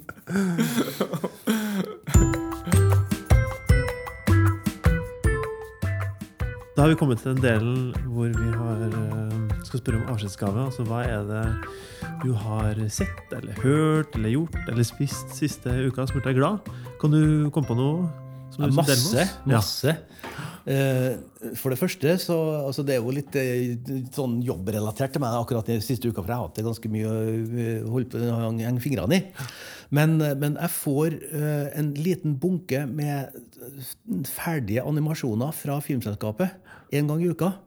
Og, og de siste animasjonene som er kommet, jeg syns de er så fantastisk artige å se. Jeg synes det Å se liksom arbeid i, in, in progress. sånn, ja. Men det store høydepunktet det er jo Jeg var på premieren til Turnéteatret. Det å, å se den, eh, den forestillinga og det de har fått til ut av det Det er klart at det, det, det, det rører et gammelt hjerte. Det, det, det gjør det. Det gleder jeg meg til å se på. altså. Ja, det er jo min gamle nabo på Ytra, Stian Johannessen, som jobber på Turneteatret. Oh, ja, Så han har jo vært med der og sørget for at det har blitt noe av. Så gøy. Ja, Det må vi stikke og se. Mm. Eh, Du har lunsj? Jo, det er faktisk en ting som har gjort meg veldig glad. Eh, som har vært fortalt om før. Og når jeg flytta til Nord-Trøndelag i sin tid, så eh, for fire år siden, ja, ja, så starta jo et selskap som heter Ofag, som ble kjøpt opp og ja, osv. Eh, nå har det satt dem som kjøpte oss i sin tid, eh, har hun fusjonert det inn i sitt eget konsern. Så uh, det egentlig ja, Så fikk vi noen før en dag en mail på at nå var på en måte O-fag merkevaren opp for grab igjen. på en måte Jeg og Karianne kan gjøre så fått den tilbake igjen. da. Ja. Så nå får vi, Og vi ble veldig sånn glad i både navnet og glad i egentlig universet som vi prøvde å lage den gangen. Så nå skal vi gjøre et eller annet med det igjen. Vi vet ikke helt hva det er ennå, men vi skal i hvert fall gjøre noe med det. Eh, Ja, så det Så du har fått tilbake den andre babyen din? Yes, Ja. gjort det. Kåre og O-fag, som er liksom nordtrønderske babyjobben min. så det gleder jeg meg til å se hva vi får til ut av det. Det tror jeg blir et spennende univers. Ja. Ja, det var kult. Men du? Jeg har jo, eh, jeg har jo det siste året i skjul så har jeg skrevet en bok. Oi, oi, oi. Ja, ja. Skrevet og illustrert. eh, Og for, eh, i forrige uke så fikk jeg boka fra trykkeriet. Men hun eh, som jeg har skrevet om For jeg har nemlig skrevet om en spesiell dame på, på Facebook. Hun har ikke visst det. Så Jeg har, jeg har tatt 200 Facebook-oppdateringer av ei, Facebook-venn og tegna dem og animert, illustrert dem. Ja, tøft. Ja, det er tøft. Ja. Og så det, det jeg gjorde for eh, litt av uke siden, sendte jeg den nedover til henne i posten. Og så har jeg gått og venta på okay, hva, hva er det du tenker når du får boka. Så hun visste ingenting. Så hun gikk da på postkontoret, og så ser jeg at det er en pakke. Og ser at den er fra meg, og så åpner jeg opp. Og så tikker jeg inn på Messenger først en sånn her smiley med sånne her tårer for øynene. Og så da har hun og kjæresten sittet og lest det der eh, hele kvelden, og så har de ledd og sikkert grått litt. For da har jo de fått sett uh, hennes eh, siste fire år, egentlig. For at hun hadde tvil fått tvillinger for fire år siden. Ja, sånn. Hun fikk tvillinger for fire år siden, og siden da så har hun egentlig ikke sovet. Fordi de har vært opp og ned opp og ned hele tida. Så hun har delt av seg selv på Facebook med noen ekstremt sånn fine kommentarer som selv om eh, jeg ikke har født noe barn, så har jeg i hvert fall litt av datter, og kan liksom relatere litt til den ø, småbarnstida. Så det jeg har gjort, er å, å ja, lage den boka. Og det jeg egentlig var på jakt etter, var for aksept, hennes aksept på at det her var greit. Og den fikk jeg. Oh, så gøy. Så det vil si at nå eh, kan jeg faktisk gå i gang med å trykke boka på ordentlig. Spennende prosjekt, da. Veldig fint prosjekt. Ja. Ja, det var, det var kjempegøy. Og jeg tror, jeg tror hun eh, faktisk satte litt pris på det. Og det er jo, det er derfor også jeg la inn boka, for egentlig eh, først og fremst glede hun, og så ser vi hva vi kan få til. Så det, den kommer nok snart på salg. Det var min venn Min venn Linda på Facebook. Ja, det var på jakt etter den. Ja. Så gøy. Tusen takk til de som har lytta på oss, og en stor takk til deg, Øystein, for at du ville komme og prate med oss. Kjempehyggelig å få være her. Hvis folk er nysgjerrig på hva du holder på med, hvor, hvor kan de oppsøke Hvor går den for å finne ut mer? Nå går jo ikke folk så veldig langt lenger. De bare kikker inn på en duppeditt. Og jeg er jo innom eh, Facebook av og til. Jeg er ikke noe sånn fast eh, Jeg bruker ikke mye tid på det, for å si det sånn. Men, men det hender at jeg legger ut noen tegninger eller eh, et eller annet sånn av og til. Ja. Har du noen utstilling? eh, nå, Har, eh, ut, akkurat nå så er det utstilling eh, i Levanger. Ja. Og så skal det være en utstilling på, i Kimen på Stjørdal. Ellers er det ikke noe mer utstillinger på trappene akkurat nå. Ja, det er Fenka da, på Levanger. ikke Ja. Fenka. Ja. Neste gang så skal vi snakke med Lars Iversen. Han er en seniorstrateg fra Athea. Han, han har en ganske sånn imponerende LinkedIn-profil. Jeg tror han har en veldig sånn spennende fortid fra Stockholm, hvor han jobba mye med strategi og innovasjon. Og så har han også vært innom Teknoport i Trondheim, vært sjef der i ett og et halvt år. Så hva tror du, Lunsj? Er det noe Tror du det er noe feilskjær her? Det håper vet det kanskje? Ja, nei, jeg, jeg, jeg vet, jeg kjenner noe litt, men jeg håper du forteller om dem. Ja, ja jeg håper det. Vi skal, vi skal, jeg. Jeg vet Vi skal dra det ut av han. Ja. Og hvis du som hører på har en historie som du ønsker å dele med oss, eller kanskje vet om noen andre som burde vært her og ha prata med oss, så ta kontakt på mail feilskjær.uredd.no, eller så kan du også gå inn på Facebook og Instagram. Vi, du finner oss der under Feilskjær. Gi oss gjerne en tilbakemelding på podkasten på iTunes, eller en rating. Det gjør at flere kan finne oss, og så betyr det veldig mye for oss å høre hva dere tenker. Podkasten her er produsert av Uredd og Lysbordet Media, og så kommer den ut hver mandag. Takk for i dag. Ha det! Morgen! Morgen!